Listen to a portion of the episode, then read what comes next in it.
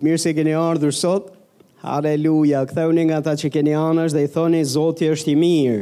Thashë, thojeni që Zoti është i mirë. O, oh, haleluja, Zoti është i mrekullushëm, është i mirë, mirësia e tij zgjat përjetë. Luka 4, vargu 18, thotë fryma e Zotit është mbi mua, Sepse Ai më ka vajosur për të ungjillizuar të varfrit, Ai më dërgoi për të shëruar ata që e kanë zemrën e thyer, thotë për të shpallur çlirimin e të burgosurve, kthimin e të parit e të verbërve dhe thotë për të çliruar përsëri të shtypurit. Vargu tetëmbëdhjetë edhe një herë fillimi thotë, Fryma e Zotit, Jezusi është duke thënë, është mbi mua. Ai thotë më vajosi. Kjo fjala më vajosi, në qoftë se ti e shikon në shkrimin e shenjtë, është duke folur jo për një vaj të zakonshëm, por është duke folur për fuqizim prej së larti me fuqi të mbinatyrshme për të shkatërruar çfarëdo lloj zgjedhe dhe për të larguar barrat e rënda që janë në kurrizin e njerëzve.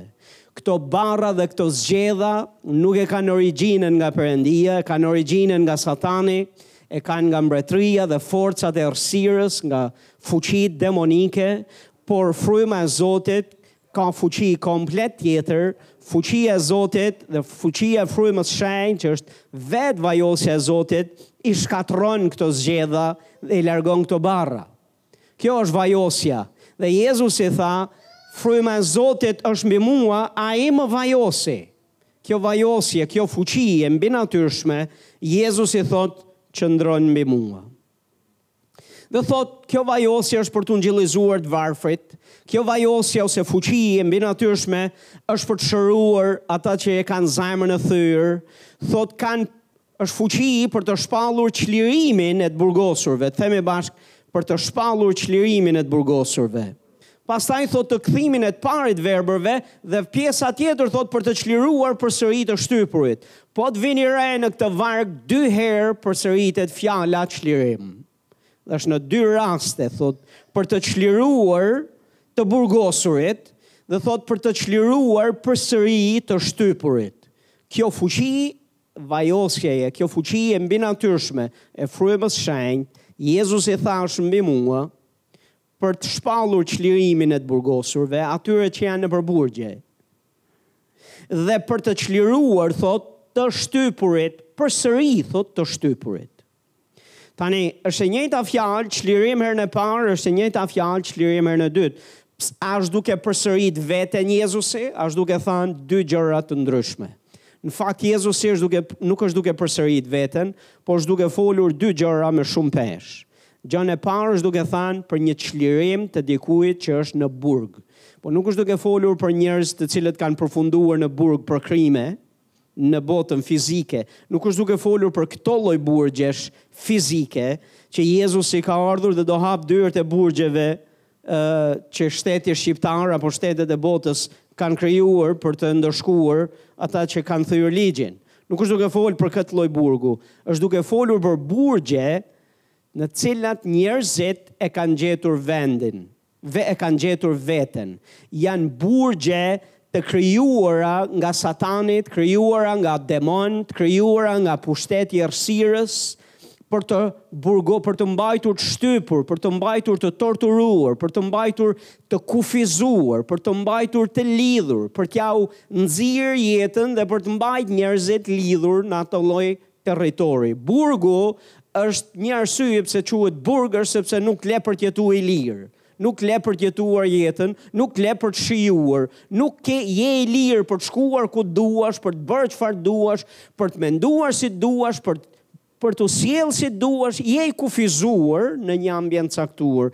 Dhe Jezusi thotë që fryma e Zotit është mbi mua, ai më ka vajosur për të shpallur çlirimin e të burgosurve. Kjo fjala për të çliruar përsëri të shtypurit, po ta shohësh, shohësh me kujdes, është duke folur për njerëz të cilët i ka çliruar një herë Zoti dhe janë shtypur përsëri. I ka çliruar njëherë Zoti dhe janë shtypur përsëri. I ka çliruar njëherë Zoti dhe kanë hyrë përsëri në shtypje.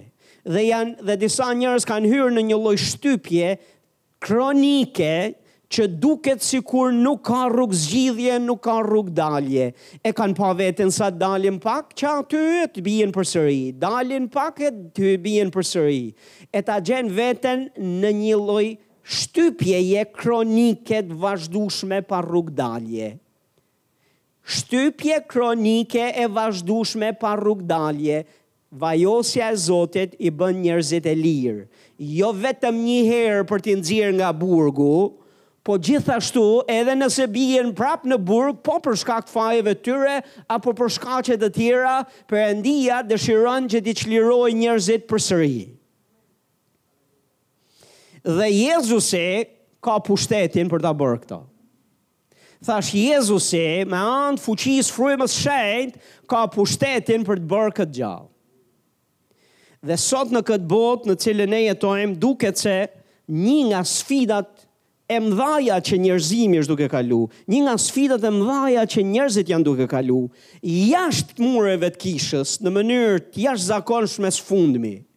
Por, fatkeqësisht, edhe brenda kishës ka plot njerëz të cilët janë duke vuajtur burgje, janë duke vuajtur shtypje dhe janë duke vuajtur nën shtypje kronike të vazhdueshme pa rrugëdalje, pa rrugëzgjidhje. Dhe unë do t'jau vë emrin disi, sepse me kur të them unë këto emra, jam i sigurt që ju do, do thoni, po, pastor, tani, tani e kuptoj. Jam duke folur për stresin, jam duke folur për depresionin, edhe pastaj jam duke folur edhe për një pushtim demonik tërësisht. të cilit ti mund të kur ai pushton ka edhe depresion, ka edhe stres, ka stres e depresion së bashku i ka të gjitha brenda. Por jam këtu për t'ju folur se fuqia e frymës Zotit mund t'i bëjë këta njerëz të lirë. Në qoftë se do t'i në qoftë se do të plotësojnë kushtet e fjalës Zotit, kushdo që ka nevojë për çlirim mund të çlirohet. Thashë në qoftë se i plotësojnë kushtet që Perëndia kërkon, kushdo që i drejtohet Perëndisë mund të marrë çlirim, sepse Perëndia mund të bëjë atë që s'e bën dot njeriu, atë që s'e bën dot njeriu vetë për veten e vet, atë që s'e bëjnë dot njerëzit për të, Atë e bën Perëndia. Atë e bën fryma e Zotit, atë e bën vajosja e Perëndisë. Dikush thotë amen. Dhe dua të flas uh, sot edhe në vazhdim disi dua të marr një seri mësimesh sepse ka shumë për të folur për këtë subjekt e shoh që janë duke vujt njerëzit Edhe shikoj që fatkeqësisht dhe mbrenda kishës shohim herë mbas here njerëz të cilët vijnë edhe kërkojnë një këshillë apo kërkojnë një zgjidhje dhe duan kështu sa me një me një të kërcitur gishtat çdo gjë të kthehet në në normalitet. Mirëpo janë disa kushte, janë disa gjëra të cilat duhen komunikuar në mënyrë që të dimë si jo vetëm të dalim dhe të çlirohemi nga kjo gjendje burgu e shtypje, po dhe të qëndrojmë të lirë e mos hyjmë vetë më nën këtë shtypje. Dhe mos ta bëjmë kronike idenë që ne nga e hëna deri të shtunën jemi në burg, ditën e diel shkojmë në kishë na nxjerrin nga burgu. Sepse kjo nuk është jetë dhe nuk është jeta që Zoti ka për ne. Ai na do ne të lirë gjatë gjithë kohës. Amen. Tani jam i sigurt që disa prej jush jeni duke thënë o pastor, po unë s'jam as në burg e nuk jam as i shtypur. Mirë se ke ardhur pastor në skuadrën e anën e Zotit. Haleluja, që ti të mësosh se si t'i bësh njerëzit e lirë, se si të ndihmosh ata të cilët janë në gjendje të tillë. Dikush thotë amen. Haleluja. Stresi dhe depresioni është shtypje, është skllavrim edhe bur, është burgosje e fortifikuar demonike, që fryma e Zotit dhe vajosja e tij e thyen dhe sjell çlirim për ata që dergjen në to. Ta them edhe një herë, stresi dhe depresioni është shtypje, është skllavrim, është burgosje e fortifikuar demonike që fryma e Zotit dhe vajosja e Tij e thyen dhe sjell çlirim për ata që dergjen në këto burgje dhe në këtë shtypje. Isaia dhjetë, vargu njëzet e katër, Prandaj kështu thotë Zoti, Zoti i ushtrive, o populli im që banon në Sion, mos ki frikë nga Asiri, që të rreh me shufër dhe ngreh kundër teje shkopin e tij, ashtu si bëri Egjipti. Kjo është duke folur për shtypje, kjo është duke folur për burg, kjo është duke folur për skllavrim. Çfarë i thotë? O populli im, le të themi bashkë, o populli im që banon në Sion. Më Zoti është duke i drejtuar kishës, është duke i drejtuar popullit të vet, atyre që janë në besëlidhje me ta. Dhe çfarë është duke u thënë? O populli im, që banon në Sion, mos ki frikë nga Asiri. Asiri është simbol i të ligut, është simbol i errësirës, është simbol i frymrave të mbrapshta. Thotë mos ki frikë prej tij, që të rreh thotë me shufër, Dhe ngre kundër teje shkopin e tij, ashtu si bëri Egjipti. Sepse edhe pak kohë dhe indinjata do të marrë fund, ndërsa zemërimi im do të drejtohet për shkatërrimin e tyre. Ky është premtimi i Zotit. Thotë Zoti i ushtrive do të ngrejë kundër tij kamzhikun, ashtu si e goditi Madianin te shkëmbi i Horebit dhe ashtu si shtriu shkopin e tij mbi det, kështu do ta ngrejë akoma ashtu si bëri në Egjipt. Atë ditë do të ndodhë që barra e tij do të hiqet nga kurrizi dhe zgjedha e tij nga qafa jote, zgjedha do të shkatërrohet nga vajosja e vajit. Në kjo është kjo është profeci, është fjalë e folur nga vetë Zoti për popullin e Perëndisë dhe është duke premtu, premtuar çlirim dhe liri nga shtypja, nga burgosja. Dhe çfarë është duke thënë Perëndia thotë Edhe pak kohë dhe indinjata do të marrë fund, thotë Zoti, ndërsa zemërimi im do të drejtohet. Do të drejtohet ku? Perëndia do ta drejtojë zemërimin e vet kundër kundër Asirit dhe atyre që shtypin e skllavërojnë popullin e Zotit. Dhe çfarë thotë? Atë ditë do të ndodhë që barra e tij do të hiqet nga kurrizi dhe zgjedha e tij nga qafa jote. Zgjedha do të shkatërrohet nga vajosja e vajit. Vajosja e vajit është fuqia e mbinatyrshme e Perëndisë. Thashë për të larguar barrën. e rëndë për të shkatërruar zgjedhat. Perëndia premton se do ngrihet e do hakmerret, Perëndia premton dhe dhe dhe flet se do shfaqë krahun e tij të fuqishëm kundër shtypësit. Kundër atij që burgos e skllavëron. Haleluja! Dhe Perëndia është i njëjtë si atëherë kur e premtoi, është i njëjtë sot dhe do të jetë përgjithmonë. Ai e ka pushtetin për ta bërë këtë gjë dhe për t'i bërë robërit e lirë. E ka pushtetin për të çliruar njerëzit që janë nëpër burgje, e njerëzit që janë të shtypur e kronikisht përsëri të shtypur. Ai e ka pushtetin për ta bërë pikërisht këtë gjë dhe premton se do ta bëjë atë gjë. Thashë ai premton se do ta bëjë atë gjë. Dhe jam këtu për t'ju thënë që në kishën e Zotit ka vaj pikërisht për këtë punë.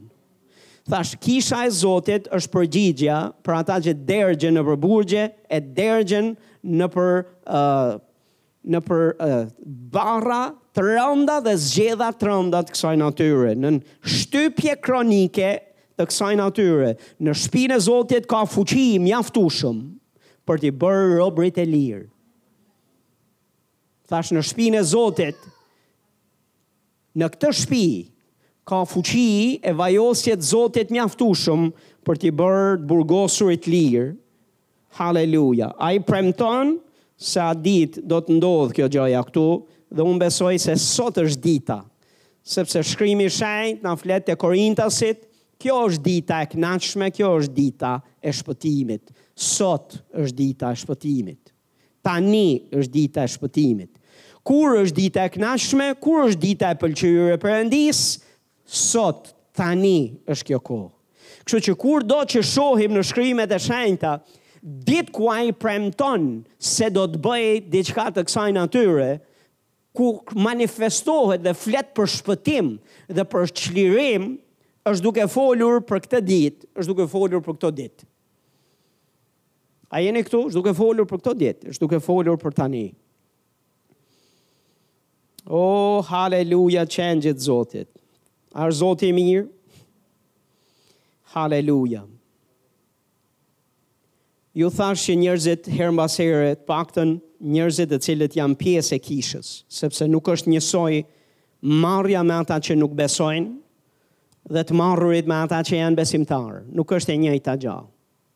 Ka vajosje për të njëjtën, për çlirimin e të dy palëve, po kushtet dhe konditat, kushtet për të marrë çlirimin nuk janë njësoj. Nuk janë njësoj. Haleluja, Qengjit Zotit. A është Zoti ynë i mirë? Le të shkojmë së bashku tek, tek Marku, Kapitulli pesë Do shohim një histori që ka shumë të vërteta domethanëse branda, që janë me peshë për t'i dëgjuar.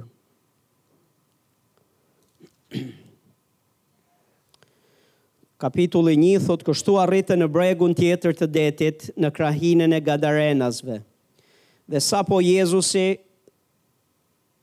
Zbriti nga varka, menjëherë i doli përpara, thotë, nga varrezat, një njeri i pushtuar nga një frymë e ndyrë, i cili banonte në varreza dhe kurrkush, thotë, s'kishte mundur ta lidhë. Një përkthim tjetër thotë, Asnjeri s'kishte mundur ta lidhë, qoftë edhe me zinxhirë. Shpesh herë pra e kishin lidhur me pranga e me zinxhirë. Por ai gjithnjë i thyente zinxhirët dhe i këpuste prangat, dhe kurkush thotë nuk e kishte bërë dot zap. Vazhdimisht natën edhe ditën nëpër varre e mbi male shkonte duke bërtitur dhe duke rrahur veten me gurë. Tani thotë kur e pa Jezusin prej së largu, Ai u turr dhe ra përmbys përpara tij, dhe me britëm të madhe tha, Çfarë ka ndërmjet nesh dhe teje, o Jezus, Bir i Perëndisë të Shumë të Lartit? Unë përgjërohem në emrin e Perëndisë, mos më mundo. Sepse ai kishte thënë frymë e ndyrë, Dil prej këtij njeriu. Atëherë Jezusi e pyeti, Cili është emri yt? Dhe ai u përgjigj duke thënë, Unë quhem Legjion, sepse jemi shumë. Dhe i lutej me të madhe që ai të mos i përzinte, thotë, nga ajo krahinë. Tani, aty ishte në brinjë të malit një tufë e madhe derrash që kulloste. Atëherë gjithë demonët u lutën duke thënë, Na dërgo te derrat, që të hyjmë në ta. Dhe Jezusi menjëherë u lejoi atyre, atëherë frymërat e ndyra, thotë, mbasi dolën, hynë në derrat dhe tufa u hodh poshtë nga gremina në det. Ishin afërsisht dy mijë krerë dhe u mbytën në det. Atëherë ata që i kullosnin derrat ikën dhe u përhap lajmi në qytete e nëpër fshatra. Dhe njerëzit, njerëzit erdhën për të parë çfarë kishte ndodhur. Kur erdhën tek Jezusi, panë të idemonizuarin. Më pëlqen ky përkthimi shumë. Haleluja, se jo vetëm ishte i demonizuar, po ishte i idemonizuar. Thotë e gjetën të ulur, të veshur edhe me mendje në rregull. Atë që ishte i idemonizuar nga Legjioni, më falni, nga Legjioni dhe thotë kishin frikë.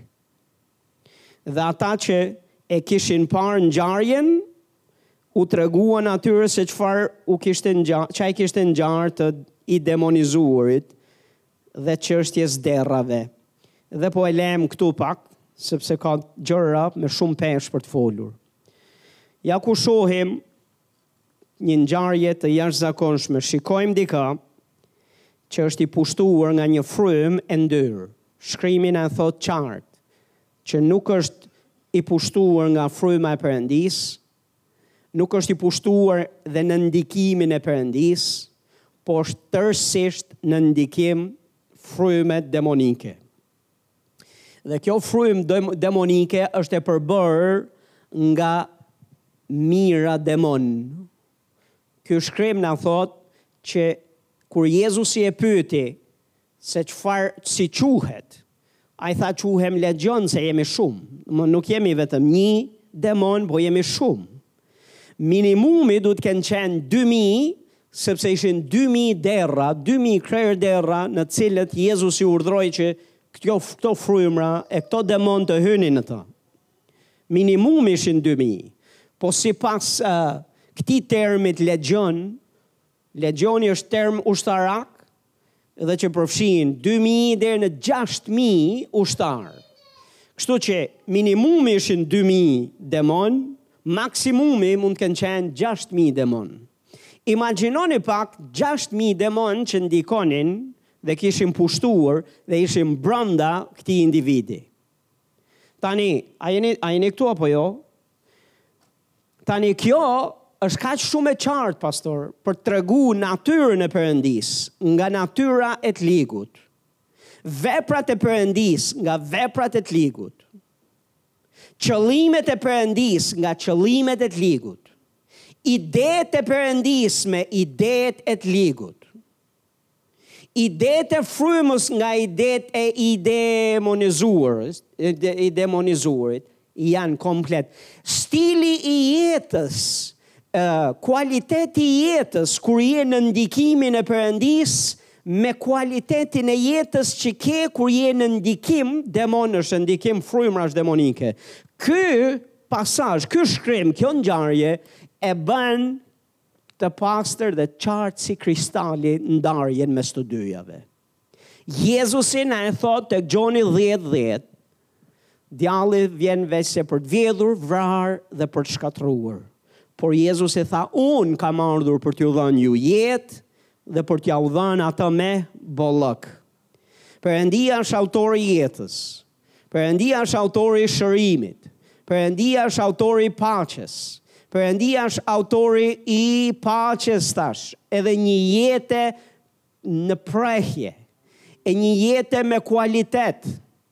Është autor i jetës dhe nuk do që vetëm ti të gëzosh jetën dhe shumë herë kur u thua njerëzve sot që Perëndia do që ti të kesh jetë, Njerëzit e reduktojnë llojin e jetës që Perëndia ka ndërmend për ta me idenë vetëm që ju ka dhënë frymëmarrje, që kanë mundësi të marrin frymë dhe të jetojnë akoma dhe s'kanë vdekur. Dhe këtë nënkuptojmë me idenë jetë. Jo, jo, jo, jo, jo, kjo është mbijetosh. Perëndia do që ti të kesh jo vetëm të kesh jetë, që do të thotë të jesh gjallë, po Ai do që ti të jesh në paqe. Ai do që ti të jesh i shëndetshëm. Ai do që të të mos mungojë asgjë. Ai do që ti të jesh në harmoni me veten, në harmoni me jetën, në harmoni me njerëzit. Ai dëshiron që ti të kesh një kualitet jete për të cilin, nëse do të pyeteshe, a do të doje ta kesh edhe një herë këtë jetë, a je i penduar për naj gjë? Dhe a do doje ta kishe ndryshe? Ti të kthesh sytë, si puna ime dhe të thuash, jo me thënë të drejtën. S'kam naj gjë që mungon dhe s'kam naj gjë që do doja ta kem ndryshe. Tani do doja të kisha një gjë ndryshe. Haleluja. Çfarë do doje të kishe ca gjëra ndryshe, pastor? Oh, haleluja. Mos kisha pas nevojë me u marr me mishin tim për shembull. Naj gjo ndryshe do doja që të mos merresha me satanin fare dhe të merresha me beteja frymërore naj gjo të kësaj natyre që mos merresha me njerëz abuzivë e të vështirë edhe këto do të kisha pas shumë dëshirë mos ta kem po këto i kemi bakshish nga ati Adam dhe nga gjithë Adamërit të cilët kanë ardhur prej tij deri në këtë ditë dhe nga gjithë kontributi personal që kam dhënë edhe unë bashkë me etrit e mi, edhe ju bashkë me ta. Që thjesht mos na duket vetja sikur ne jemi se edhe ne të njëjtën natyrë kemi pas, për shkak të mëkatit, për shkak të mëkatit, sot është i ligu atje, e ka beteja frymërore me të cilat duhet të merremi, që s'do donim të merreshim fare me to, do ishte jeta ma e bukur mos me u marr me to. Se kemi pas një natyrë mishore, vazhdojmë që të përballemi me ta, do kish qenë jeta ma e bukur mos të merreshim me to. Do kish qenë jeta mrekulli po të mos kishim njerëz të cilët janë të vështirë. Do kish qenë akoma ma e bukur nëse këta njerëz do ishin jashtë mureve të kishës të pakten. Po ja që i kemi edhe mrena mureve të kishës. Edhe nganjëherë stresi, edhe, edhe depresioni, edhe këto lloj vështirësish, e kanë pikërisht burimin edhe nga këto që sapo fola. A jeni këtu?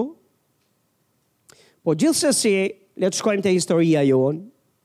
Është e pastër si kristali ndarja mes influencës, ndikimit, punës, veprës, vullnetit, qëllimit të Perëndisë nga ai i veprave dhe veprimeve të të Ligut. Dikush thot amen. Tani le të analizojmë pak gjendjen e këtij njeriu që ishte nën influencën e të Ligut. Ishte nën influencën e demonëve. Atëherë, çfarë ne shohim është që ku jetonte ky njeri, ku banonte? Banesën e kishte në një vend të pazakontë që askush s'ka qef të shkojë. Në rregull, banonte thot në varreza. Banonte atje ku demonët hedhin valle, ku demonët kanë kanë atë vendin dhe atmosferën e triumfit të tyre. Sepse Bibla na flet, haleluja, që Jezusi, kur mori trajt njerëzore, trajt njeriu në trup, e shkatërroi, thot, ve, shkatërroi uh, autorin e vdekjes, shkatërroi vetë satanin. Satani është autori i vdekjes. Satani vjedh, vret dhe shkatërron, është në natyrën e tij kjo. Vdekja është në natyrën e tij. Është në natyrën, është në qëllimet e tij, është në natyrën e vet. Ai është vrasës që nga fillimi. E vetë shkrimi i shenjtë na flet për natyrën e tij. Natyra e demonëve është e tillë. Dhe kjo është atmosfera që ato çlirojnë, kjo është atmosfera që ata Atyre u pëlqen që të jenë. Dhe Bibla thotë, ky njeri banonte nën influencën e këtyre demonëve, banonte jo mes njerëzve, po banonte atje.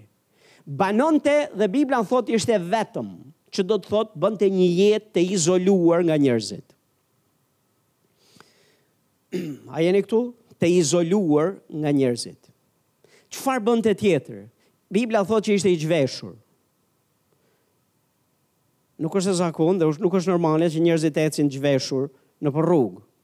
Tani e di që është moda e stinës, moda e kohës sot në botë, që po u veshe dhe po je i veshur nuk je njeri i normal. Po më lini t'ju them, njeri i normal je po u veshe.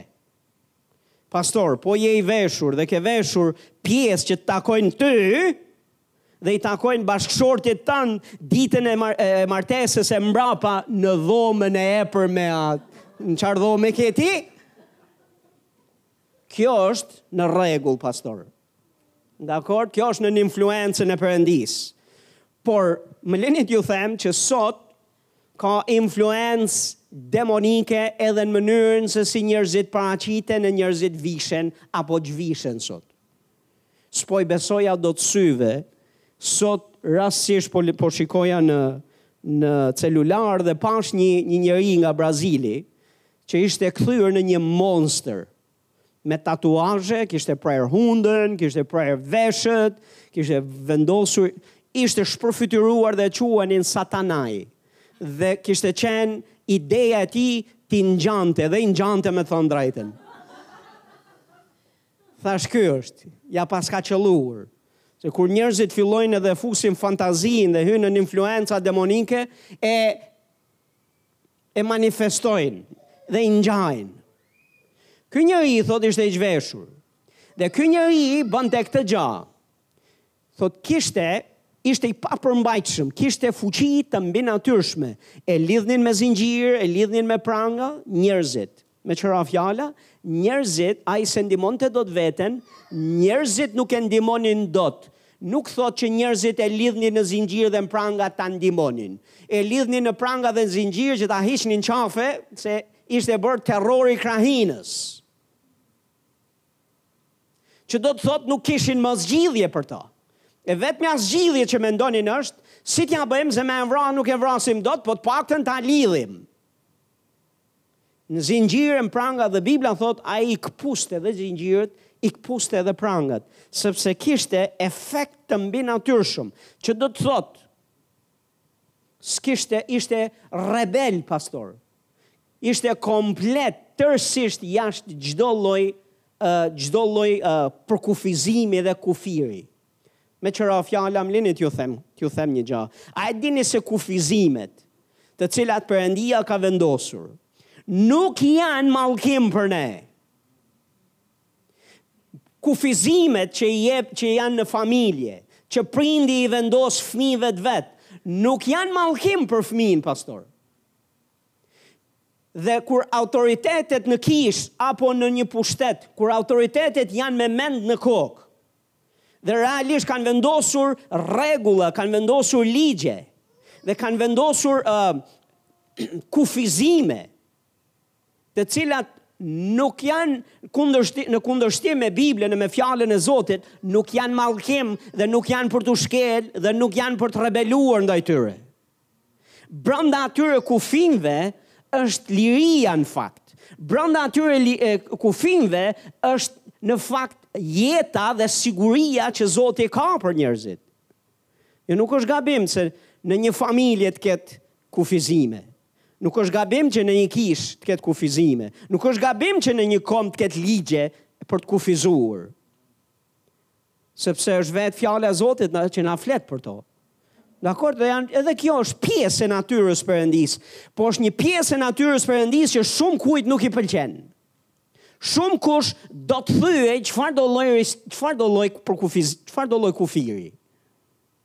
Dhe do të ketë lirinë, në emër të lirisë Kalojmë çdo lloj kufiri që nuk duhet kaluar dhe pastaj kur kalon kufinjtë pastor atëherë gjen veten të dëmtuar dhe dëmton të tjerët. Kufizimet dhe kufinjtë pastor kanë vendin e vet. Sot në këtë botë Fatkeqësisht nën influencë, nën influencë demonike, janë duke u hequr disa kufinj, disa kufinj që kanë qenë në shoqëritë normale që kanë jetu deri sot, kufinj morali, kufinj autoriteti, kufinj të drejtash, kufinj rolesh, kufinj gjinish, po hiqen një e nga një. në mënyrë që njerëzit të ndihen të lirë, por nuk e kuptojnë se janë duke gjetë veten në fakt komplet më të lidhur dhe të burgosur nëpër burgje të cilat nuk ju ka shku nëpër mend, sepse jashtë këtyre kufinjve, pastor, nuk është liria, nuk është bekimi. Jashtë këtyre kufinjve në fakt është rrëzimi dhe është dëmtimi. A jeni këtu apo jo? E çfarë shohim tjetër këtu, pastor? Shohim që ky njeri nuk kishte, kur Jezusi e shëroi, kur Jezusi e çliroi, thotë, uh, erdhi me mendje në rregull, le të themi bashkë me mendje në rregull, edhe një herë me mendje në rregull, edhe një herë me mendje në rregull. Tani pastor, Kjo është nga fundi i gjithë historisë. Por mua më rezulton nga ato çfarë unë di, çfarë studioj në shkrime, dhe ato çfarë do jem duke mësuar, mua më rezulton që e gjithçka ka nis te kjo çështja e mendjes këtu. Te çështja e mendjes, sepse pikëpyetja që kam është kjo, si hynë gjithë këta demonë te ky njeri? Dhe si gjithë këta demon, gjithë ky njeri po influencohej nga këta demon dhe çne gjithë këto pasoja, nga i erdhën atij gjithë këto pasoja. Dhe ne do të shohim, pastor, që beteja që i ligu ka, është përpara se një njeri të kalojë nëpër ekstreme të kësaj natyre. Përpara se një njeri të hyjë dhe t'i nënshtrohet depresionit e stresit e me radhë, në fakt beteja është betejë mendje. Perëndia është mbas mendjes. I ligu, djalli është mbas mendjes. Sepse ai që kontrollon mendjen, kontrollon disa gjëra, kontrollon në fakt jetën e atij që ka mendjen. Kush merr thashë kontroll mbi mendjen e dikujt, ka marrë kontroll mbi vetë jetën e tij. Kur një mendje e kontrolluar është kur një mendje është e kontrolluar nga i ligu, do të ndikohet në mënyrën e në stilin e jetës, në veprimet që bën, në mënyrën se si mendon, në mënyrën se si flet, dhe pastaj në mënyrën se si është duke duke u sjellë dhe duke përjetuar jetën e vet. Ky njeri nuk e kishte mendjen në rregull. Dhe këta demon ia kishin kontrolluar mendjen. Dhe kur i kontrollojnë mendjen, i kontrolluan edhe veprimet, i kontrolluan edhe gojën, i kontrolluan edhe sjelljen dhe gjithë kualitetin e jetës që ky individ ka. E njëjta betejë sot është është sot e kësaj dite. Beteja është betejë mendje. I ligu dëshiron që të kontrollojë dhe të pushtojë mendjen e, e njerëzve. Sepse e di që po pushtoi mendjen e dikujt, do t'i kontrollojë jetën, do t'i kontrollojë sjelljen, do t'i kontrollojë mënyrën si ndihet, mënyrë stilin e jetës, Mënyrën se si flet dhe do i kontrollojë të gjithë jetën. Le të shohim bashkë disa shkrime, pastor, sepse e shoh që jeni duke më pa dhe do shohim t'ju shoh edhe unë ju, ndërkohë që më shihni ju.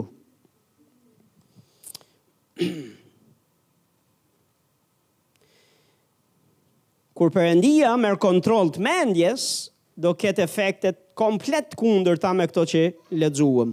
Kur i ligu merr kontroll të mendjes, janë këto lloj efektesh.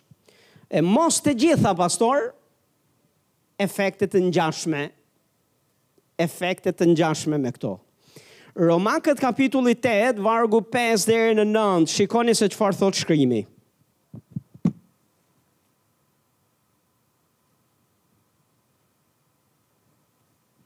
Sepse ata thotë që rrojnë sipas mishit, e çojnë mendjen në gjërat e mishit.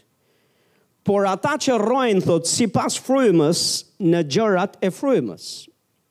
Në fakt mendja e kontrolluar, themi bashkë, në fakt mendja e kontrolluar. Dhe na thotë e kontrolluar nga mishi, prodhon vdekje, por mendja e kontrolluar nga fryma prodhon jetë edhe paqe. Vargu shtatë thotë në fakt mendja e kontrolluar nga mishi është armiqësi kundër Perëndisë, sepse nuk i nënshtrohet ligjit Perëndisë dhe as nuk mundet. Prandaj ata që janë në mish thotë nuk mund t'i pëlqejnë Perëndisë. Nëse fryma e Perëndisë banon në ju, ju nuk jeni më në mish, por në frymë. Por në qoftë se ndokush nuk ka frymën e Krishtit, ai nuk i përket atij. Dikush thotë amen. Është fakt që kur është mendja e kontrolluar nga mishi, nga i ligu, që është në bashkësi dhe në të njëjtë natyrë me mishin,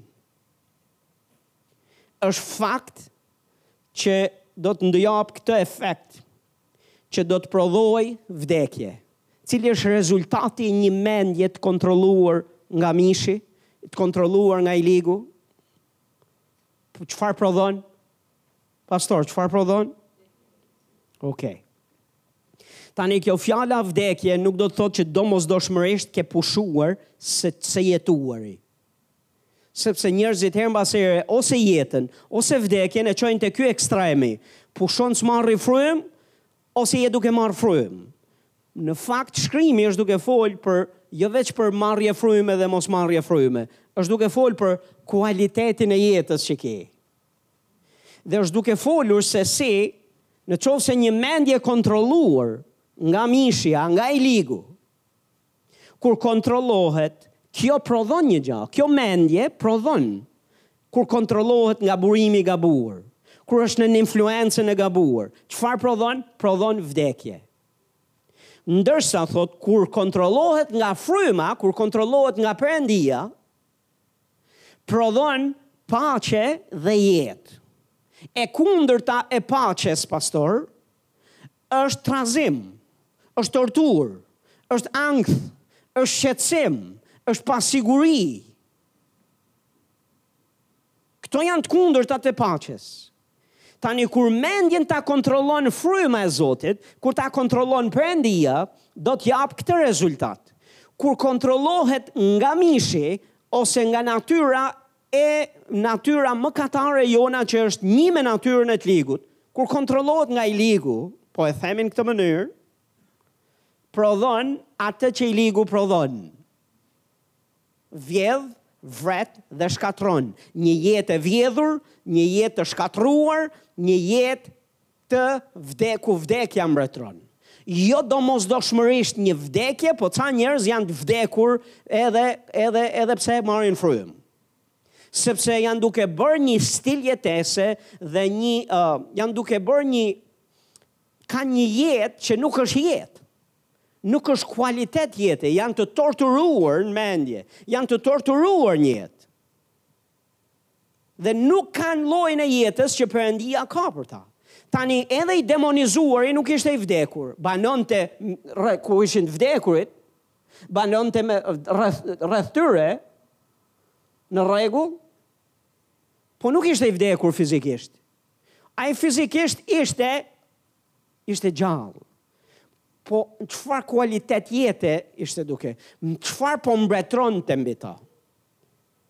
Po mbretëronin këto frymëra demonike që kontrollonin mendjen e tij dhe mendja e tij thotë nuk ishte në vete, që do të thotë mendja e tij ishte komplet jashtë kontrollit.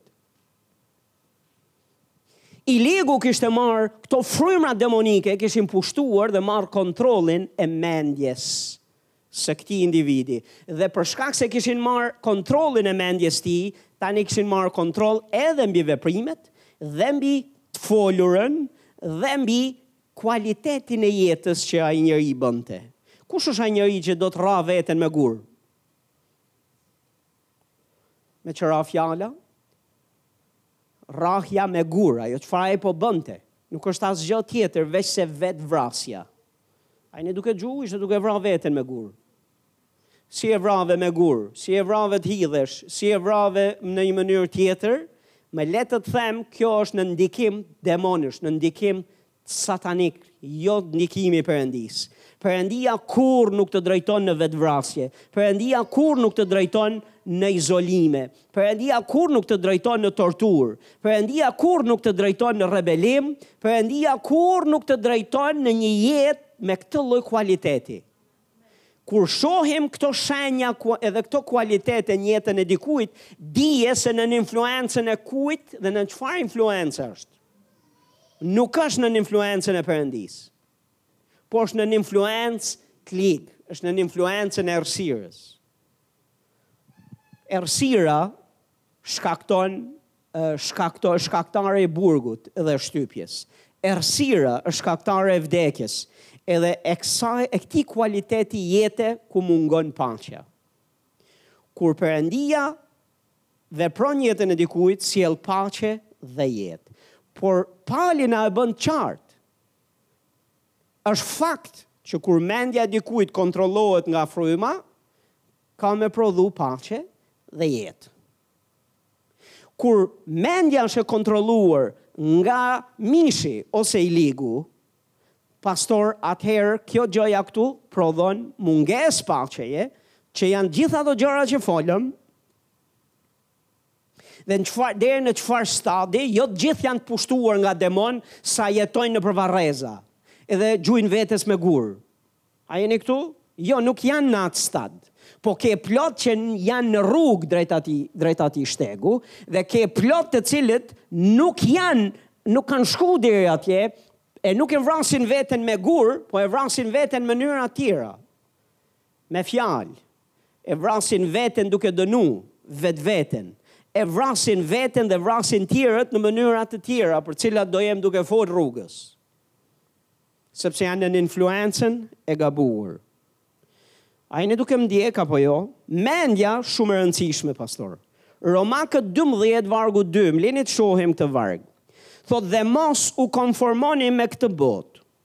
Kjo fjala mos u konformoni me këtë botë është duke thënë që mos ju nënshtroni mënyrës së të menduarit, mënyrës së të sjellurit, mënyrës së të besuarit që njerëzit e botës pa Perëndinë kanë sepse ata operojnë në një sistem komplet vlerash tjera, komplet iderash tjera, stili jete, thotë, ju mos u konfirmoni me këtë botë.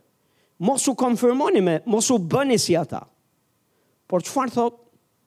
Por transformohuni. Kjo fjala transformim është fjalë e jashtëzakonshme për të cilën do të ndaloj pak. Është duke thënë të marrësh një formë komplet të re që ti s'e ke pas përpara. Dhe është duke thënë që ti me tjera fjala, a e di që besimtari e ka këtë aftësi të transformohet Kështu siç je ti, ke dëgjuar njerëz që thonë unë nuk ndryshoj dot? Ça është kjo? Ça është kjo nuk ndryshon dot? Të gjithë ndryshojmë. Të gjithë mund të ndryshojmë dhe në fakt kur i ke thënë po Jezusit, ti ke ke thënë po Zot, më ndrysho. E pamundur që ti të jesh i shpëtuar, të jesh pjesë e punës së Zotit, Dhe të kesh këtë lloj mendësie që ti s'ke për të ndryshu. Më le të ta them, jo, jo që ke për të ndryshu, po ke për t'u transformu në një njeri që s'ke qenë ma përpara. Jo vetëm thjesht t'i ngjash, vetëm një ngjasim, edhe ti ti ti ke edhe gjërat tua, po ke ca gjëra të ngjashme me. Jo, jo, do jesh njësoj me. Dhe s'do kesh asgjë nga gjërat e vjetra që ke pas. Dhe koncepti që unë jam kështu, kam lindur kështu, unë jam kështu, nuk ndryshoj, nuk... Këto hiqi. Kur i ke thënë po Jezusit, ti e ke vendos veten tënde përpara ndryshimit. Haleluja. Ndryshimit Zotit. Dhe çfarë thotë? Dë, është duke bërë thirrje, thot transformohu me anë të ripërtëritjes së kujt? Domethënë, si transformohemi ne, si ndryshojmë ne, me tjera fjala, kjo fjala transformim, është po të shifni, është e njëjta në rrënjë, është e njëjta e njëjti e njëjti term, e njëjta fjalë që përmendet për Jezusin që u transfigurua, në malin e transfigurimit. E mbani mend në një rast që ai u ngjit bashkë me Pjetrin edhe me Jakobin, edhe u ngjit dhe u takuan me Mojsiun dhe Elia në mal? Bibla thotë që ai u transfiguru, u transformu komplet në një imazh që ata s'e kishin parë më përpara. Lavdia e Zotit shkëlqeu. I njëjti term është që është duke folë për një ndryshim të mbinatyrshëm radikal të jetës, të jetës tonë dhe thotë transformohuni me anë të ripërtëritjes mendjes tuaj, që do të thotë kur mendja jonë ripërtërihet, ne na ndodh ka ky procesi transformimit. Kur mendja jonë u bë ka e re, Si ripërtrihet mendja me anë të fjalës Zotit. Fjala e Zotit është ajo që na e bën mendjen tonë të re. Na bën që mendja jonë të mendojë si Perëndia. Sepse në fjalën e Zotit janë mendimet, idetë, vullneti, pëlqimet e Perëndisë. Sa më shumë ushqehesh dhe mediton në fjalën e Zotit dhe sa më shumë e pranon fjalën e Zotit të depërtojë në mendjen tënde, Mendja jote do të bëhet e re dhe mendja në nivelin e mendjes tënde të re, kështu je transformuar ti. Tani më lini t'jua shpjegoj edhe në një mënyrë tjetër. Kjo fjala transformim në fakt është metamorf, meta, metamorfoza, në greqisht është kjo fjalë. Është duke folë për procesin e metamorfozës. Sa prej jush keni dëgju për këtë proces, se çfarë është duke folë? Është duke folë për një krimb, i cili është në atë kukunën e vet, dhe që me kalimin e kohës, ky krimbi del nga kukuna, Dhe kur del nga kukuna e vet, kthehet në flutur, në një flutur madhështore të bukur, shumëngjyrëshe, e cila fluturon e lirë, edhe që ti kënaqesh që ta shohësh.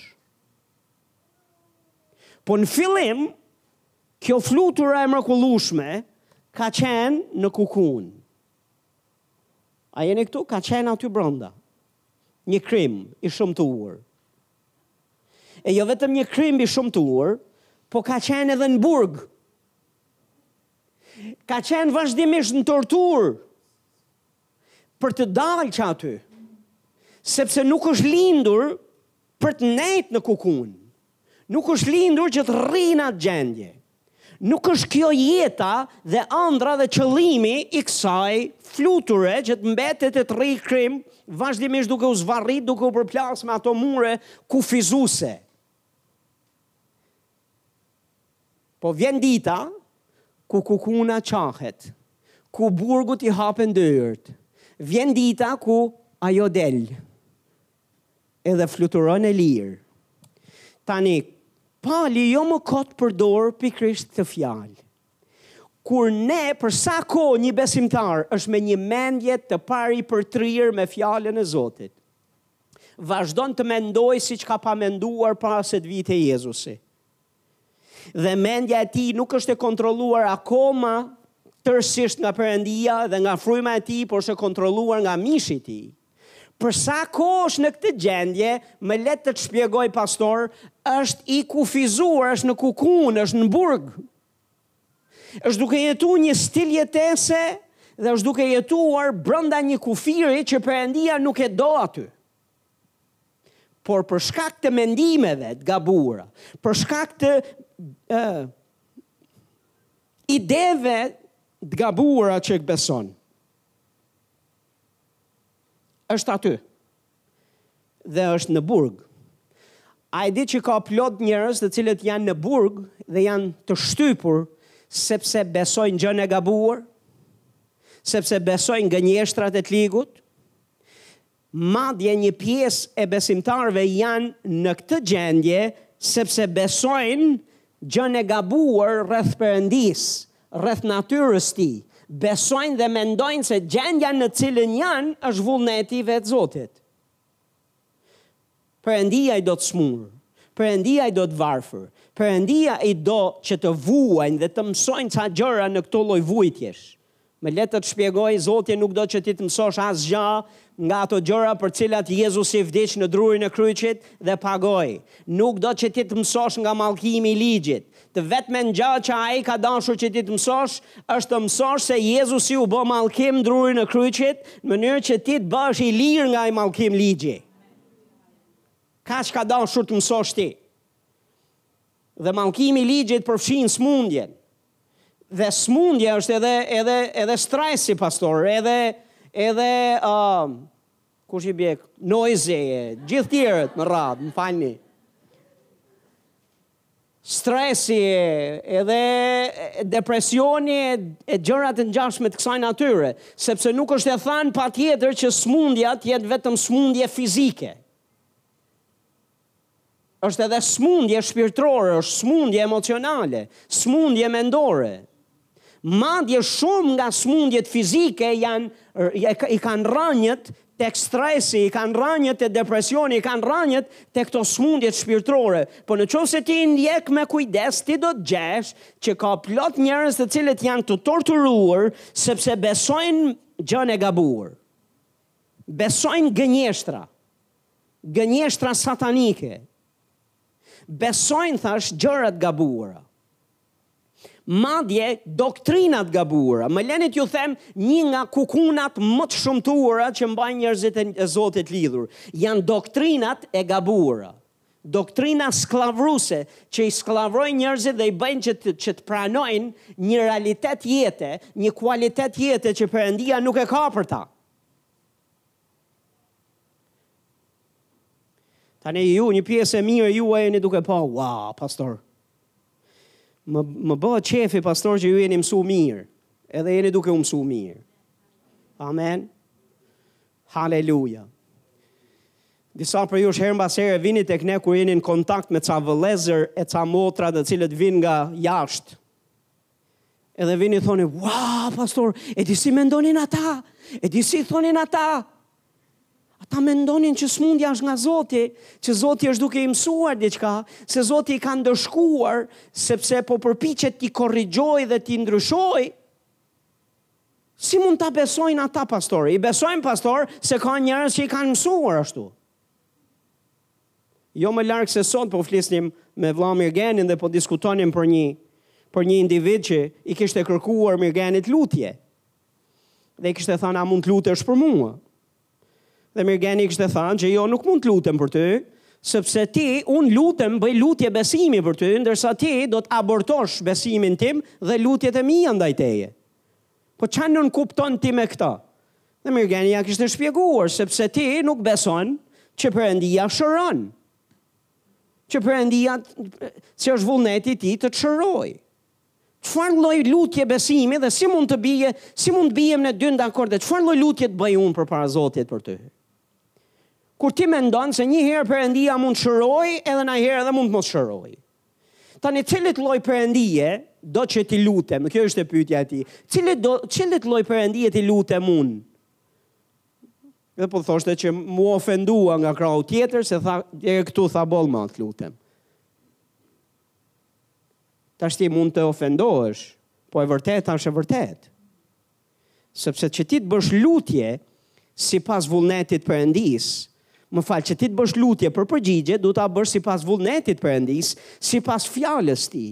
Në qoftë se ti je i bindur se është vullneti i Perëndisë që të të mbajë ty të smur, apo të ka dhënë këtë sëmundje për një arsye a një tjetër, apo të ndëshkon dhe po të torturon ty për një arsye misterioze që s'e di kush, atëherë si mund të kesh besim dhe si mund t'i lutesh atij me siguri që ai do të ta heqë këtë sëmundje.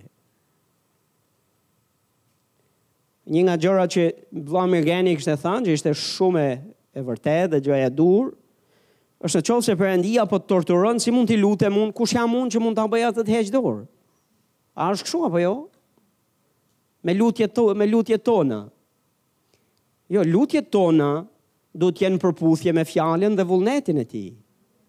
Por individi ishte i sëmurë, ishte në hall, ishte në nevojë dhe ndërkohë që kishte nevojë për mrekulli, mrekullia e parë që kishte nevojë në fakt ishte çlirim në mendjen e vet, çlirim në mënyrën se si besonte.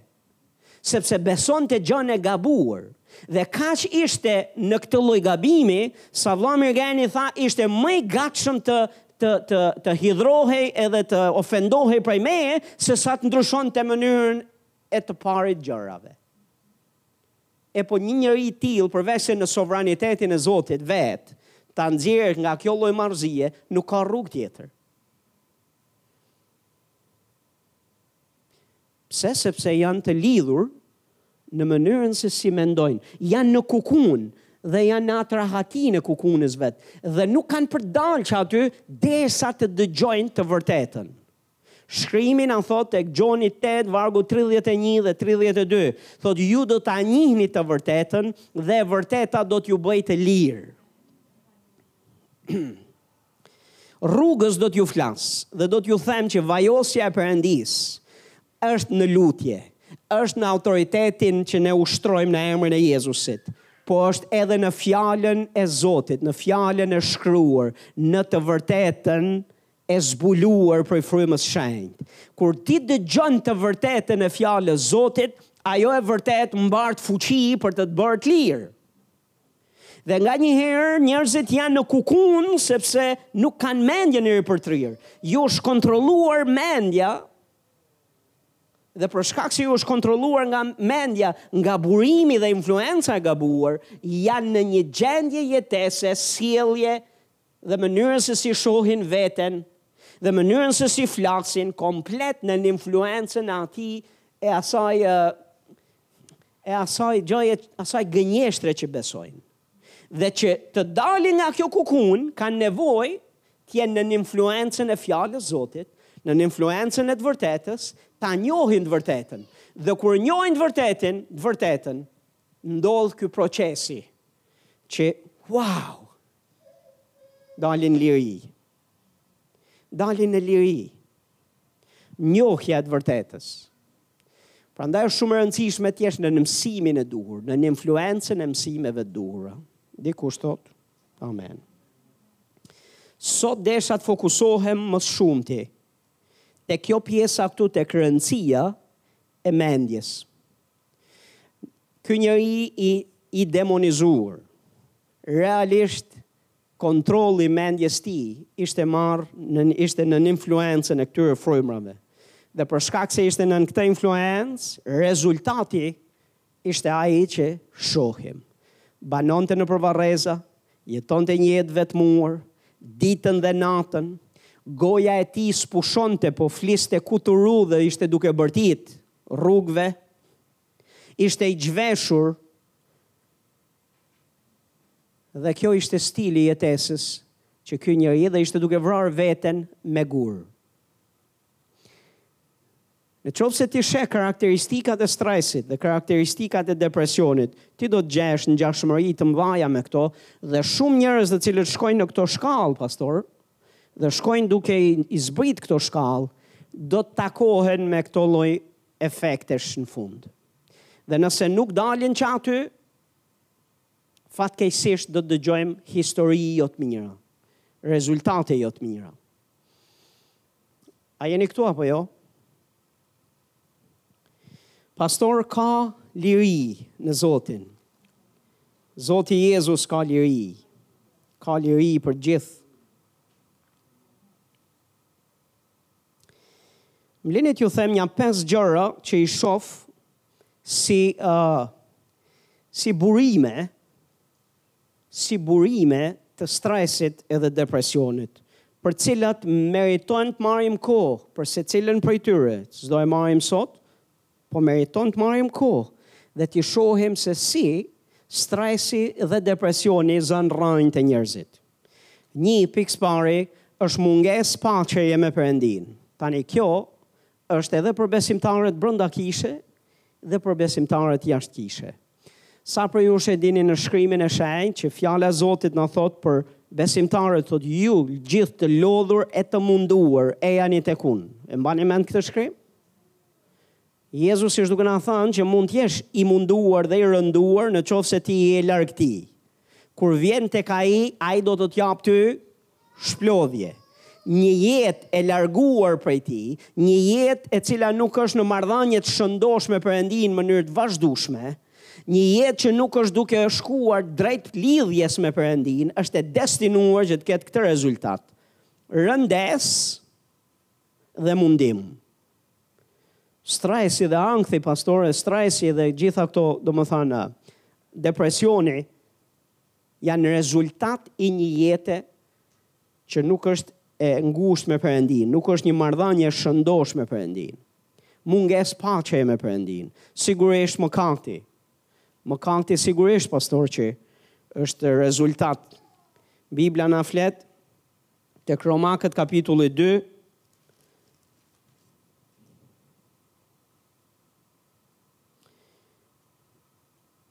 vargu 8 deri në 9, në fakt vargu 9 thotë mundim dhe ankth mbi çdo shpirt njeriu që bën të ligën, judeut më përpara, pastaj shqiptarit. A e keni kështu ju në Biblën tuaj apo jo? Apo e kemi grekut? E Jezusi e ka pas shumë me grekët, e ka, ka pas probleme me grekët. Jo, jo, Jezusi, grekët janë, na përfshijnë të gjithëve. Të gjithëve, judenj, grekë, shqiptarë, të gjithë. Dhe çfarë thotë, atij që bën të ligën, mbi çdo shpirt që bën të ligën, çfarë do të ketë? Çfarë do të ketë? Mo, kur ti bën gjënë e gabuar, kur ti bën gjënë e gabuar, gjënë e ligë, një gjë që është e papëlqyer në sytë e Zotit, pastor, cili është rezultati? Mundim edhe ankth. Tani më le të ndaloj pak këtu. Ka plot njerëz të cilët nuk e nuk kanë besuar te Jezusi dhe vuajnë nga depresioni, vuajnë nga ankthi, vuajnë nga kjo lloj gjendje mundimi. Janë të munduar shpirtërisht. Nuk po ju ecën jeta. Nuk po shkojnë gjërat mbarë. Domethënë, pik, çdo pikëpyetje madhore të jetës, e shohim pa zgjidhje, e shohim pa rrugëdalje. Pastor, çfarë mendimi ke për dikë që është në kushte të tilla? Çfarë mund të bëhet për dikë që është në kushte të tilla? Më le të të shpjegoj pastor se çfarë duhet bërë. Një herë ka nga ata të cilët duan të vijnë dhe të marrin një lutje bekimi ditën e diel apo ditën e shtunë, një lutje të shpejt që pastori ta bëjë, Apo ta bëjnë njerëz të Zotit, ku të çlirohet nga kjo gjendje e mundimit dhe e ankthit, edhe pastaj të shkojë në jetën e vet dhe madje edhe t'ju t'ju ecë mbarë jeta. Më lini t'ju shpjegoj këtë gjë, pastor. Bibla thotë të gjithë njerëzit kanë mëkatuar. Dhe kur dikush është nën mëkat, është i destinuar që të ketë këtë lloj rezultati në jetën e vet. Mundim, ankth, edhe të gjitha këto, stres, depresion, të gjitha këto janë rezultate të pranisë së mëkatit në jetën e vet. Dhe se nuk ecin gjërat mirë në jetë, janë po prap rezultat i kësaj, sepse janë të privuar dhe të ndarë nga lavdia e Zotit. A jeni këtu?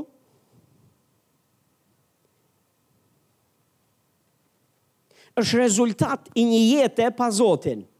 është rezultat i një jete si i pashpëtuar. Si një njeri i cili është nën peshën e mëkatit. Më le të shpjegoj edhe një gjë tjetër që ta shtoj akoma ma tepër. Bibla thotë që kur dikush është nën peshën e mëkatit, nuk është se është vetëm nën peshën e mëkatit, por Bibla thotë që është nën mallkim, Bibla thotë që është nën zemrimin e Perëndisë dhe Bibla thotë gjithashtu që është nën pushtetin e Satanit vetë. Mbi të mbretron Satani, mbi të mbretron mëkati, mbi të mbretron mallkimi, mbi të qëndron thotë dhe zemrimi dhe pakënaqësia e Perëndisë.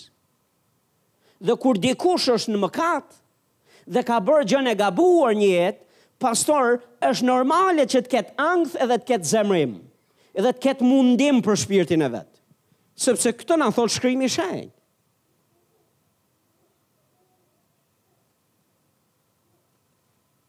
Tashti pse është kjo gjendje normale, nuk është shkaktari Perëndia. Shkaktari është mëkati.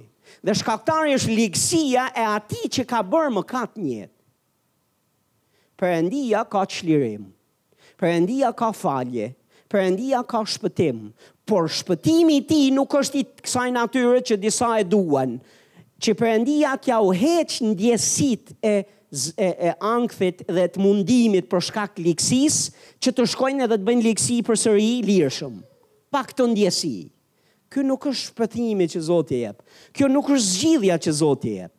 Për ata që janë të pashpëtuar, zgjidhja është pendo për mëkatet tua, Më dëgjo me vëmendje, pendohu për mëkatet tua, beso tek Zoti Jezus, sepse Zoti Jezus është ai që vdiq në drurin e kryqit, mori mëkatet tona në kryq, vuajti Ai në vendin tënd të gjitha ato gjëra që i meriton ti t'i vuash, i vuajti Ai edhe ankthin, edhe mundimin, edhe zemërimin e Perëndisë, edhe mallkimin, edhe të gjithë mundimin që vjen prej t'ligut për shkak të mëkateve tona, Jezusi i mori në kryq në vendin tënd. Nga dashuria që ka për ty. Dhe nëse ti do çlirimin e vërtetë, çlirimi i vërtetë vjen nga pendesa jote nga mëkatet tua dhe besimi tek Biri i Perëndisë. Dhe shkrimi i shenjtë thotë, Biri i Perëndisë të bën atëherë të lirë. Atëherë ti shpëtohesh dhe kë bën Biri i Perëndisë të lirë është vërtet i lirë.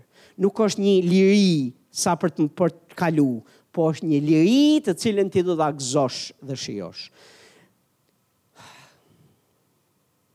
Ti ke nevojë të heqësh mëkatin tënd, që të të pushojë mundimi dhe ankthi. Ti ke nevojë të falësh e të pajtohesh me Perëndinë që të të pushojë mundimi dhe ankthi dhe që të të pushojë kjo lloj gjendje jetese në të cilën ti ndodhesh, sepse je nën influencën e gabuar, nën pushtetin e gabuar. Kur ti i thua po Jezusit, Ai të transferon menjëherë në çast në mbretërinë e Birit, në mbretërinë e Tij. Ai të nxjerr nga nga pushteti i errësirës në pushtetin e dritës, të nxjerr që aty. Dhe ti, ai nuk të le veç mendjen, vetë nuk ta çliron veç mendjen, të merr ty me gjithë mendje, me gjithçka çka ke, dhe të nxjerr në dritë. Dhe të shpëton. Kjo është lajmi i mirë për ty. Ka lajm të mirë, ai do të të shpëtojë. Ai do të të falë ty. Ai do të të sjellë paqe dhe jetë në jetën tënde. Rruga për ty Është që ti të besosh te Jezusi, është që ti ta ftosh Jezusin të bëhet Zoti dhe Shpëtimtari yt. Kur ti e bën këtë pastaj, ti ke marrë lirinë e vërtetë. Aty ti do të kalosh në bekimin e Zotit. Aty ti do t'i japësh liri Perëndisë të hyjë në jetën tënde që të të bekojë ty. Dikush thotë amen.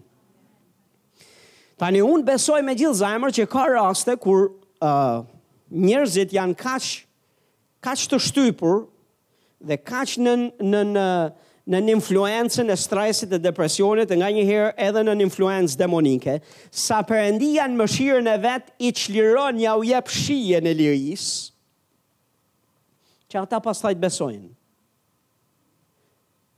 Ka raste thash kur Zoti ndërhyn dhe jua jep këtë shije, dhe pastaj i nxit që të besojnë. Sa prej jush mbani mend në shkrim që Jezusi shëroi dikë dhe i tha, pasi i shër, e shëroi, tha, shko dhe mos mëkato më që mos të të bëhet ma keq sa ma përpara. E mbani mend këtë fjalë? Domethënë, po Zoti e shëroi dhe pastaj i tha, tani shko e mos mëkato më. Dhe ka raste ku Zoti e çliron dikë. Thash po Zoti e vendos atë. Ka do ta çlirojë në këtë mënyrë, por mënyra ma e më e më e madhe është që njerëzit të shpëtohen, njerëzit të vrapojnë, të kthehen tek ai dhe t'i thonë Zot, unë dorëzohem tek ti. Kush thret në emrin e Zotit do të shpëtohet. Çfarë këshille ke për mua pastor se unë nuk e kam njoft Jezusin dhe nuk kam besuar nanjherë po jam në ankth jeta ime është në stres jam në depresion nuk di se si po më shkon jeta ime çfarë duhet të bëj pastor thirr në emrin e Jezusit më shpëto Jezus Jezus më shpëto eja në jetën time dua të besoj tek ti dhe kur ti e bën këtë gjë e le atë të hyjë në skenë dhe ai veç që do të të kthejë mendjen e shëndoshë Po do të të bëjë ty komplet njeri të lirë. Komplet njeri të lirë. Tani nëse je besimtar dhe luan me mëkatin dhe bën gjën e ligë, mos mendo, mos mendo që të fshihesh mbas klishe besimi dhe të thuash që unë mund ta bëj të ligën, po mua nuk më prodhon lig, nuk më prodhon mundim dhe ankth.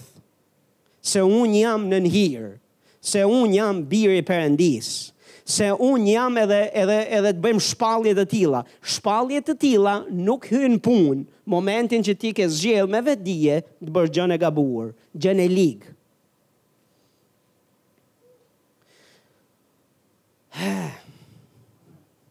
Sa për jush e keni provuar që të keni mëkatuar ndonjëherë Pyetja ime është si jeni ndjerë, pastor? Në qoftë se më thua, pastor, s'kam ndjerë asgja, ti je në hall të madh. Po në qoftë se më thua, pastor, unë jam ndjerë tmerrësisht keq përbrenda meje, për iks, për atë veprim të gabuar që kam bërë. Kjo në vetvete është shenjë se je i shëndetshëm, por në të njëjtën kohë më tregon mua që ligësia që ti ke bërë ka prodhuar këtë ndjesi.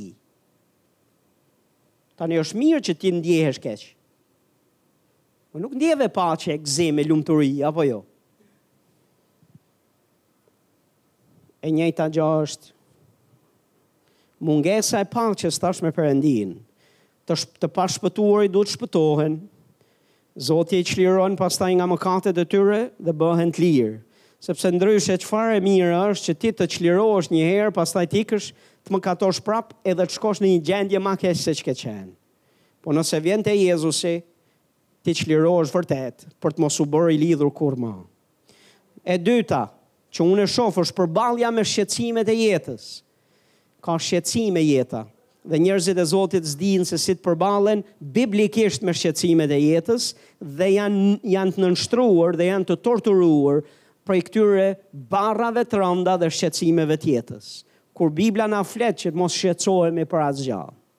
E me ca fjalë, shkalla për të shkuar te stresi, shkalla për të kaluar te depresioni, shkalla tjetër për të kaluar në, në, në, në, në atmosferë demonike tërësisht nën kontrollin e tyre, është kjo pastor, tolero shqetësimin, do kalosh te stresi. Se stresi është një pak ma e intensifikuar se shqetësimet, Pak ma intens, ma e fort. Pastaj është doza akoma ma e fort, depresioni, pastor. Po në qoftë se ti mëson, se si të merresh me shqetësimet, që në fillim, s'ke për t'u ul në ato shkallë, pastor, për asnjë arsye kurrë.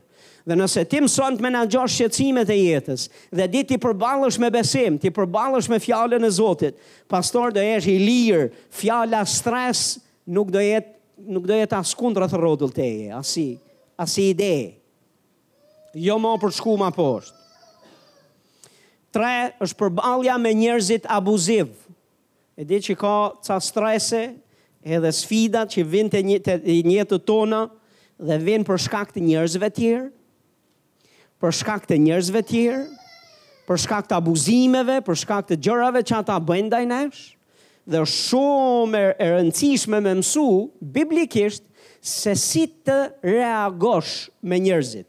Se ka ca njerëz që duhet t'i falësh, ka ca njerëz të cilët ti duhet t'i falësh dhe t'i afrosh afër. Ka ca njerëz të cilët ti duhet t'i falësh dhe t'i afrosh sa më larg që të kesh mundësi. Sepse duke i largu sa më larg pastor, ke largu stresin. E ke largu me gjithë. Sepse ka ca njerëz të cilët janë burim stresi, janë burim depresioni, janë burim Shqetësimi, ankthi, janë janë enë të mbushura plot e përplot, që sado që ti si njeri i Zotit përpiqesh t'ju vesh kufij, e t'i ndihmosh, e t'ju flasësh, e t'ju thuash kontrollo gjuhën, kontrollo mënyrën si sillesh, kontrollo mënyrën si, e nuk i kontrollojnë, po duan që të vinë edhe t'i zbrazin te ti. Dhe më le të të mësoj pastor një gjë. Që si njeri i Zotit, ti nuk je i detyruar të bëhesh kazani i plehrave dhe ti nuk je i detyruar patjetër të rrish në prani apo aq më tepër të kesh një mpleksje apo një lidhje shoqërore të afërt me këta individë.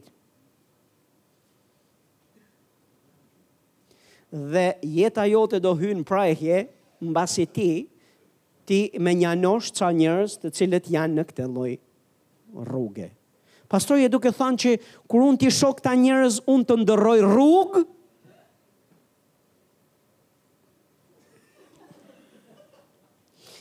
Pastor, nëse ka rrugë, Haleluja! Nuk jam duke folur që për njerëz që kanë dobësira, se dobësi kemi të gjithë. Nevojë për ndryshime kemi të gjithë, nevojë që të durohemi kemi të gjithë, nevojë për dashuri kemi të gjithë. Po jam duke folë për ata njerëz të cilët janë bërë një me me mëkatin e tyre, janë bërë një me këtë frymë të kësaj natyre dhe nuk dalin që aty për asnjë arsye dhe duan që të të marrin dhe ty me vete. Dhe Bibla na thot edhe kur do të ndihmosh dikë, thot kujdes thot që mos bie edhe ti. Kur do të ndihmosh dikë të dalë nga mëkati i vet, gjë që është Perëndia të do që ti të shkosh mbas të humburve, të shkosh mbas atyre që janë gabim, të shkosh mbas atyre që janë Do e do se është zemra e tij, po nga krahu tjetër nuk do të humb ty. Dhe nuk është gabim që të masësh forcat tua, pastor. Dhe kur ti i mat forcat tua dhe shef që ty s'të dalin llogaritë, se duke shkuar te këta individ, duke nejt me këta individ, ti po bëhesh si ata, apo po bëhesh ma keq, apo kur vjen te shpia jote, ty duhen edhe nja dy orë për të shkund kokën, kosheren tënde, që të qetsohesh, pastor në qoftë se kjo gjëja bëhet vazhdimisht e vazhdimisht, Nuk është normale. Po ndikohesh ti dhe ti nuk ti nuk je duke ndiku. Katër, pastor, një jetë që ka mungesë balance, mungesë prioritetesh.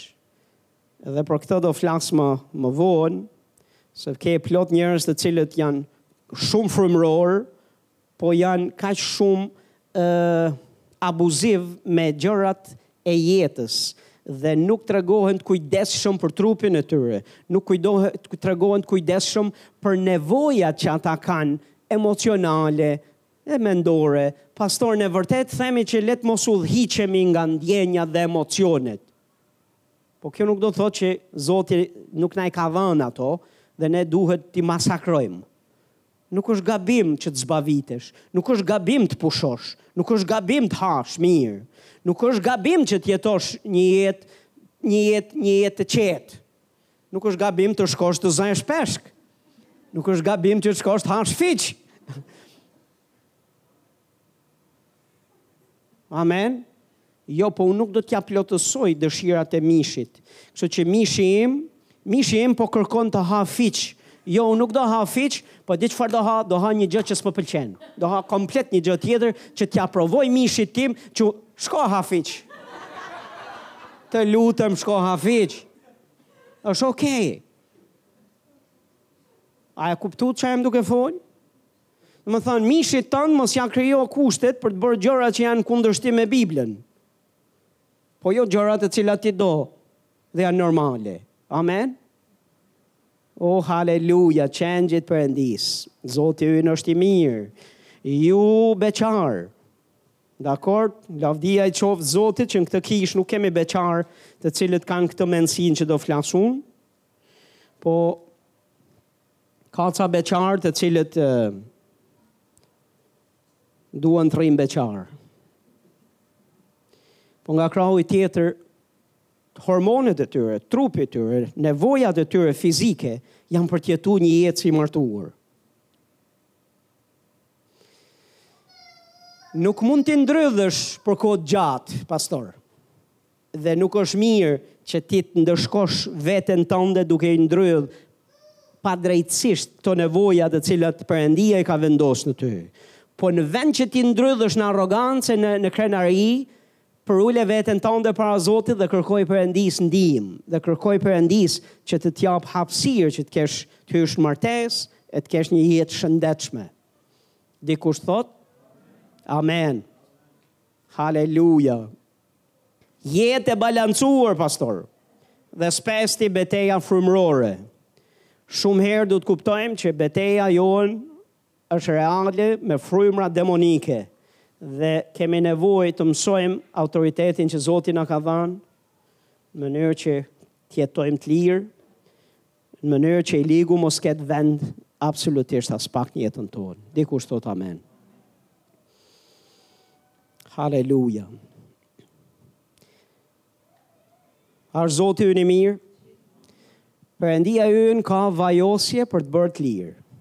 Kjo vajosje Haleluja, është fuqia e Perëndisë për të bërë njerëzit e lirë, nëse je i humbur, nëse s'ke besuar te Jezusi, liria jote vjen kur ti zgjedh të thërrasësh Jezusin të vijë në zemrën tënde.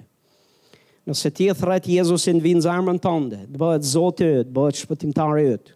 Pastaj të garantoj që ai do të të falë mëkatet ty dhe do të të largojë të gjithë peshën e mëkateve dhe pasojat e mëkateve në shpirt e në jetën tënde e do të bëhesh vërtet i lirë. Një lutje e thjeshtë zemre dhe një besim i thjeshtë zemre te Jezusi, se ai vdiq në kryq dhe mbas tre ditësh u ringjall, i hap rrugën Perëndisë të transformojë jetën tënde për mirë, të të japë ty komplet një jetë të re. Haleluja, kjo është me shumë peshë. Pastaj për sa na përket ne, njerëzit e Zotit, ka shumë rëndësi që mendja jonë të ripërtrihet me fjalën e Zotit, të njohim të vërtetën, të ushqehemi me fjalën e të vërtetës gjithë kohës, sepse ajo na bën të lirë dhe na mban të lirë.